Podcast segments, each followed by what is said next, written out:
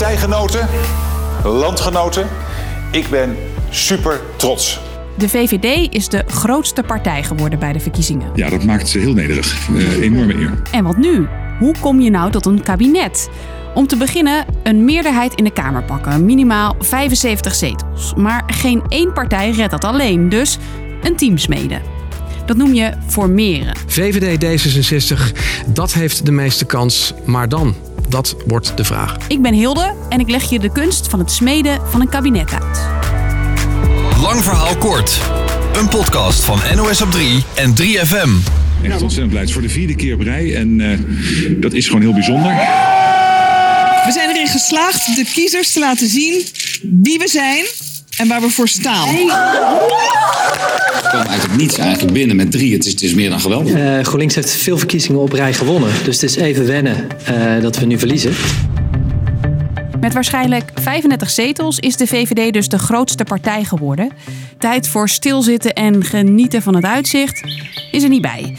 Na de verkiezingsstrijd is het nu de onderhandelingsstrijd. Dat begint als de nieuwe Tweede Kamer een zogeheten verkenner aanwijst, vaak een oud-politicus.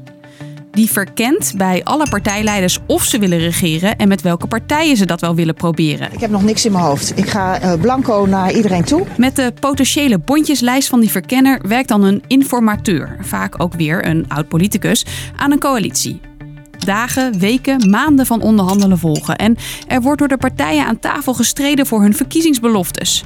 De ene wil windmolens en de andere partij de studiefinanciering, maar niet alles kan. Als partijen die samen minimaal 75 zetels hebben eruit zijn, klopt er een dik pak papier op het bureau. Een concept-regeerakkoord met daarin de afspraken die de nieuwe coalitie heeft gemaakt. We hebben een akkoord bereikt. Het is een uh, geheel van geven en nemen. Ik ben tevreden. Klinkt overzichtelijk. Wat kan er nou misgaan? Wat een avond. Nou, de VVD van Rutte werd vier jaar geleden de grootste partij en onderhandelde met D66, CDA en GroenLinks. Van alles stond al op papier, maar het mislukte net voor de finish. Echt, ik, ik ben echt verbijsterd over. Ik vind het heel jammer. En elke keer was het gevoel: oké, maar hier komen we wel uit. De partijen werden het niet eens over migratie. GroenLinks wilde meer vluchtelingen in Nederland opvangen dan de andere drie. We hebben gekeken naar, uh, kan je het eens worden? Ik heb het, God knows I tried. De onderhandelingen klappen, wordt dat dan genoemd. Alles begint weer zo'n beetje van vooraf aan. Het duurt nu al maanden. GroenLinks stapte eruit en ChristenUnie kwam ervoor in de plaats. Maar toen weer dit. D66 en de ChristenUnie leken geen gouden combi. Het was niet de eerste en ook niet de tweede en ook niet de derde variant waar ik aan dacht. De partijen stonden lijnrecht tegenover elkaar als het over drugs of euthanasie ging. Maar ze kwamen eruit. Vaak investeren partijen ook in de onderlinge band. D66 en de ChristenUnie gingen bijvoorbeeld samen uit eten. Formeren is dineren. En het vorige kabinet sprak af om geen afspraken te maken over euthanasie, omdat ze daar gewoon niet uit zouden komen. Na heel veel onderhandelen lag er eindelijk een regeerakkoord. We zijn er nu, uh, geloof ik, helemaal uit. Ja, ik ben heel erg blij. Eindelijk, eindelijk. Eindelijk, eindelijk. Ja, u zegt het. Als dat regeerakkoord dan ook weer de goedkeuring heeft van alle betrokken partijen, de volgende stap: formeren. In de formatie beslissen de partijen wie van welke partij minister of staatssecretaris wordt.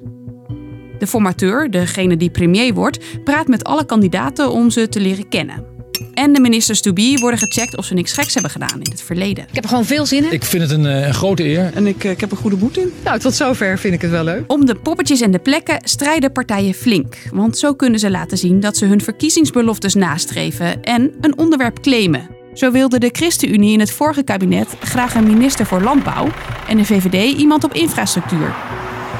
En ook al ligt er na maanden onderhandelen een regeerakkoord, een kabinetsformatie, is wel eens geklapt op de poppetjes. Ja, hè hè. hè, hè. Je heeft helemaal gelijk. Ik komt diep uit uw tenen, bij mij ook. De vorige formatie, die duurde wel even. Na 225 dagen was er een kabinet. Een record. Nog nooit duurde een formatie zo lang. Ontzettend veel zin om nu aan de slag te gaan. Eindelijk. Dus, lang verhaal kort. De partijen schuiven na de verkiezingscampagne veel om de onderhandelingstafel. Een verkenner kijkt wat de eisen van partijen zijn.